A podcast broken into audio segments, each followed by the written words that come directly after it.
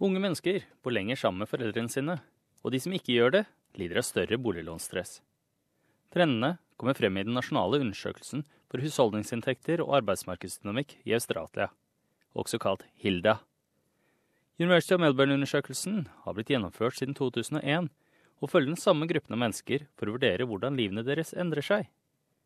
Selv om boligkostnadene fortsetter å stige, har lønnene stagnert. Noe som gjør at mange vurderer en fremtidig gjeldsfylt persontilværelse. Erin Jansirian Kosu, en mor til fire fra Melbourne, forbereder seg på å flytte til enda en leiebolig. Six moves in six years it's been, so it's bordering on the ridiculous right now. Planen var å leie på kort sikt og spare opp nok egenkapital til å kjøpe et hus. Neste uke ender leieavtalen, sier Erik Janshiran Koshu, og leieprisene går opp.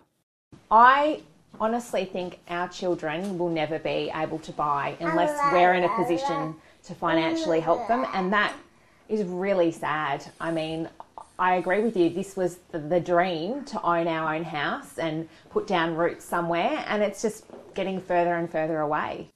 Professor Roger Wilkins fra Melbourne University er rapportens forfatter.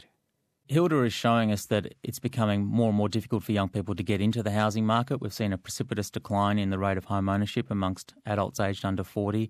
In real terms, home debt of adults aged under 40 who own their home has nearly doubled, certainly well outpacing wage growth over that period. John Flavel fra boliglånsmeglerselskapet Mortgage Choice sier at resultatene ikke er overraskende. Han sier at førstegangskjøpere ikke har problemer med å betjene gjelden. If you look at the amount of money that people are spending on rent relative to mortgage payments, then typically actually people with mortgage payments are committing less income to accommodation. But the challenge comes when people are renting and also trying to save a deposit. So not surprisingly, where the housing prices are highest, so Sydney and Melbourne, then the effort and the time taken to save that deposit is certainly the biggest um, barrier that people have got for getting access to that market. Undersøkelsen viser også at australske holdninger til en rekke sosiale saker er i endring, som ekteskap og foreldre.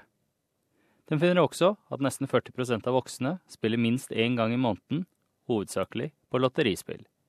Men professor Wilkins sier, alarmerende, viser undersøkelsen også høy fattigdomsfrekvens blant enslige foreldre.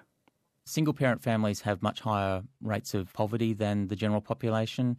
They've also been facing very steep rises in childcare costs. They have low rates of home ownership and their average income levels are quite low compared with the rest of the population. So, on multiple fronts, we're seeing many single parent families having a tough time.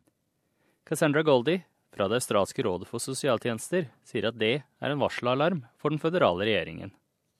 The cuts that the federal government has made over a number of years now to the income support, to the various supports for single parents and for their kids has had uh, this kind of effect an acceleration in child poverty rates at a time when we are still one of the wealthiest countries in the world. It is absolutely extraordinary that this picture is being painted under this government's watch. Denne saken over Maya Jamieson på SBS norsk. Jeg er Frank Mathisen.